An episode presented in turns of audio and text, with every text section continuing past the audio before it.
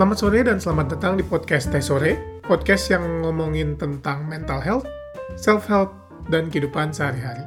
Di episode kali ini gue mau bahas topik tentang toxic relationship. Jadi, uh, apa itu toxic relationship? Pertama, kita sebenarnya bisa bedain relationship tuh jadi dua macam ya.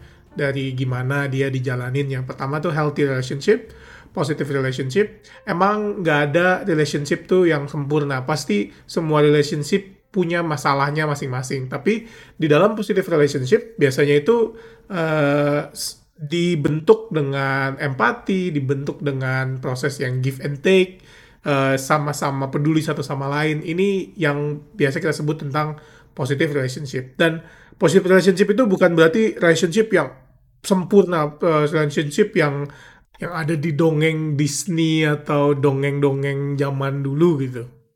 Nah, sedangkan uh, jenis relationship kedua adalah negatif atau toxic relationship. Nah, toxic relationship ini sendiri sebenarnya uh, sesuatu yang biasanya dibentuk over time. Jadi nggak ada orang yang masuk ke relationship langsung tahu itu tuh toxic relationship. Karena prosesnya orang masuk ke relationship biasanya ada sesuatu yang diharapkan, ada sesuatu yang dia lihat positif dari dari partnernya gitu. Dan sering kali orang-orang yang kemudian ternyata uh, itu toxic itu awalnya tuh biasanya kelihatannya kayak karismatik kayak positif kayak orang yang care gitu. Tapi ternyata setelah dijalani hubungannya setelah beberapa lama akhirnya uh, kemudian baru tahu bahwa orang ini toxic gitu. Dan dan mereka biasanya terjebak di hubungan yang toxic ini gitu dan uh, pertama gue mau bahas kayak apa sih tanda-tandanya gitu uh,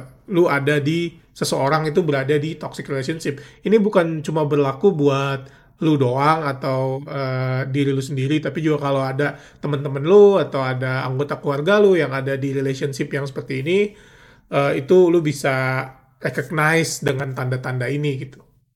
Nah, tanda yang pertama itu uh, isolation. Biasanya dalam bentuk uh, si toxic orang toxic ini, pasangan yang toxic ini mencoba membatasi hubungan dengan dunia luar gitu, misalnya keluarga gitu. Kayak soalnya mereka ada tendensi untuk uh, mencoba buat si pasangannya ini bergantung dengan hubungan itu gitu. Jadi kadang uh, mak makanya kadang ketika seseorang keluar dari toxic relationship kadang mereka udah nggak punya keluarga sorry udah udah jauh dari keluarganya udah jauh dari teman-temannya karena salah satu dari fitur dari toxic relationship biasanya ada proses uh, di mana si orang toxic ini mencoba mengisolate hubungannya sehingga si pasangannya ini beneran nggak punya nggak punya nggak punya support sama sekali dari lingkungan. Jadi nggak bisa curhat nggak bisa main bareng malah kadang dilarang ini dilarang itu gitu. Nah, bahkan ada yang dilarang buat ngontak keluarganya sendiri gitu kalau yang ekstrimnya. Nah itu pertama tentang isolation. Yang kedua adalah uh, perselisihan atau pertengkaran yang terus menerus gitu. Nah apa bedanya uh, relationship biasa healthy relationship sama toxic relationship ten tentang uh, perselisihan gitu emang uh, perselisihan atau misalnya kayak berantem di, di relationship itu hal yang biasa gitu hal yang normal gitu. Karena namanya ada dua orang ada dua orang di dalam satu hubungan pasti ada perbedaan pasti ada hal-hal yang uh, dua orang ini nggak setuju gitu satu sama lain. Biasanya tapi sifatnya ini minor dan nggak jadi main theme tema tema utama dari hubungannya gitu.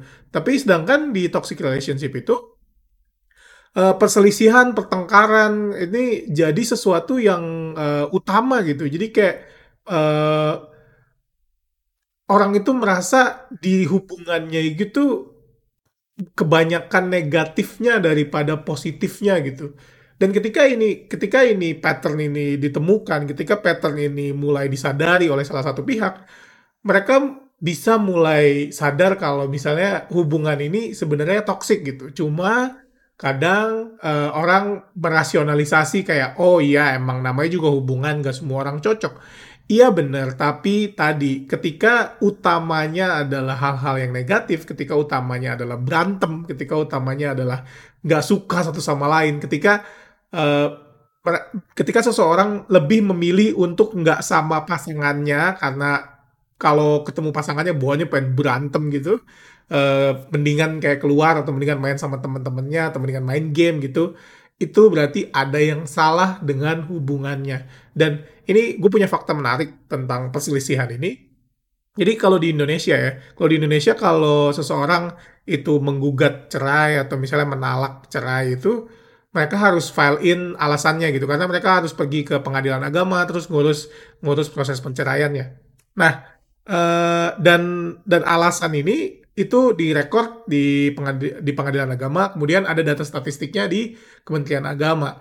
Nah, kalau lo mau tahu apa alasan pertama orang cerai di Indonesia itu bukan ekonomi dan bukan uh, perselingkuhan, tapi uh, perseli uh, alasannya itu beneran ini word by word itu perselisihan yang terus menerus itu dan itu jumlahnya 60% dari total perceraian di Indonesia tahun 2020 eh, dan ini uh, rata gitu seluruh seluruh wilayah dari dari ujung barat sampai ujung timur alasannya itu 60% atau lebih sekitar itu di masing-masing daerah itu perselisihan yang terus menerus baru kedua ekonomi 20% jadi 60 itu perselisihan. Jadi ketika seseorang itu mencapai ke ke bahkan udah sampai proses nikah gitu. Ini sesuatu yang orang tuh baru bisa temukan di kemudian hari gitu. Mungkin pas awal-awal kayak fine-fine aja. Mungkin kayak pas pacaran tuh kayak ketemu seminggu sekali. Mungkin kayak ketemu dua minggu sekali, tiga minggu sekali, segala macam. Barulah ketika setelah menikah atau setelah hubungan itu berjalan lama, bisa jadi ini kemudian ditemukan gitu kayak oh ternyata ada hal-hal yang bikin hubungannya itu jadi toksik gitu. Nah kemudian yang ketiga adalah uh, menyalahkan. Biasanya orang-orang toksik itu uh, punya perasaan bahwa dia nggak punya sense of personal responsibility gitu. Jadi kalau ada sesuatu hal buruk yang terjadi di hubungannya, pasti dia bakal mencoba gimana pun caranya memelintir untuk membuat kesalahannya itu ada di pasangannya gitu. Jadi kayak bukan salah gue, gue kayak gini gitu. Gue uh, gue marah karena lu nggak nurut apa kata gue gitu. Kayak itu proses di mana uh, itu directly menyalahkan orang lain atas kesalahan yang mungkin dia dia perbuat gitu. Dan kalau udah udah mulai kelihatan pattern-pattern kayak gini, udah kelihatan pattern-pattern di mana dia lebih sering nyalahin lu daripada menerima bahwa itu kesalahan dia, itu adalah juga salah satu tanda-tanda orang ini toxic.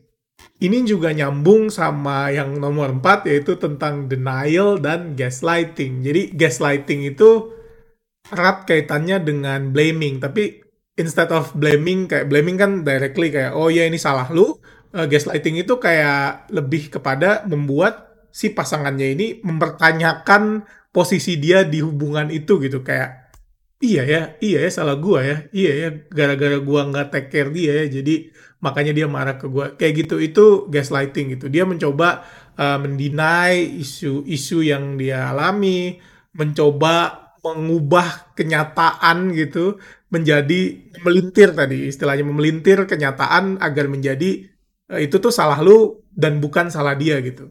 Kayak simpelnya kalau misalnya muncul kata-kata kayak gua kayak gini gara-gara lu itu udah kemungkinan besar itu gaslighting. Kemudian yang berikutnya adalah tentang possessiveness. Jadi uh, sebenarnya jadi ketika seseorang punya perasaan untuk memiliki, untuk mengontrol, untuk uh, merasa bahwa dia harus jadi satu-satunya orang yang paling penting di hidupnya. Well, emang kalau di hubungan emang lu orang yang paling penting, tapi bukan berarti kemudian ketika lu kerja terus lu diteror oleh pasangan lu gitu. Itu udah udah nggak benar dan itu biasanya uh, bentuknya tuh agak subtle kayak nggak kelihatan gitu pas di awal-awal. Bentuknya soalnya kayak rasa peduli atau rasa sayang gitu. Kayak ya gue soalnya sayang banget sama lo kayak gue nggak mau lo punya teman cewek misalnya kayak gitu. Dan itu biasanya di awal-awal hubungan kayak cute gitu. Dan kemudian setelah berkembang jadi makin parah jadi makin parah itu lu bisa tahu kalau ini tuh hubungan yang toksik dan yang terakhir ini dan yang paling penting sebenarnya ketika seseorang bisa melihat bahwa hubungannya toksik atau enggak adalah seberapa banyak yang dia harus berikan ke hubungannya itu dibanding pasangannya gitu. ketik karena tadi kan apa konsepnya healthy relationship itu give and take. Jadi kita memberi dan kita mendapatkan sesuatu. Ketika seseorang di dalam hubungannya selalu di, di posisi yang memberi dan si pasangannya ini nggak pernah memberi apa-apa ke hubungannya itu, itu udah tanda-tanda kalau misalnya hubungan itu nggak berjalan sebagaimana mestinya gitu. Sebagaimana positive relationship seharusnya berjalan. Nah, kalau uh, gua ambil summary dari semua tanda-tanda tadi, tanda-tanda toxic relationship, sebenarnya tema utamanya dari toxic relationship itu adalah kontrol. Dan metode atau teknik atau tujuan dari kontrol ini bisa macam-macam, tapi tetap aja apa pun itu alasannya, apa pun itu bentuknya, itu adalah tanda-tanda hubungan atau seseorang di pasangan yang toksik. Oke, sekian episode kali ini. Terima kasih sudah mendengarkan. Follow podcast Teh Sore di Spotify. Gue Alvin undur diri. Goodbye.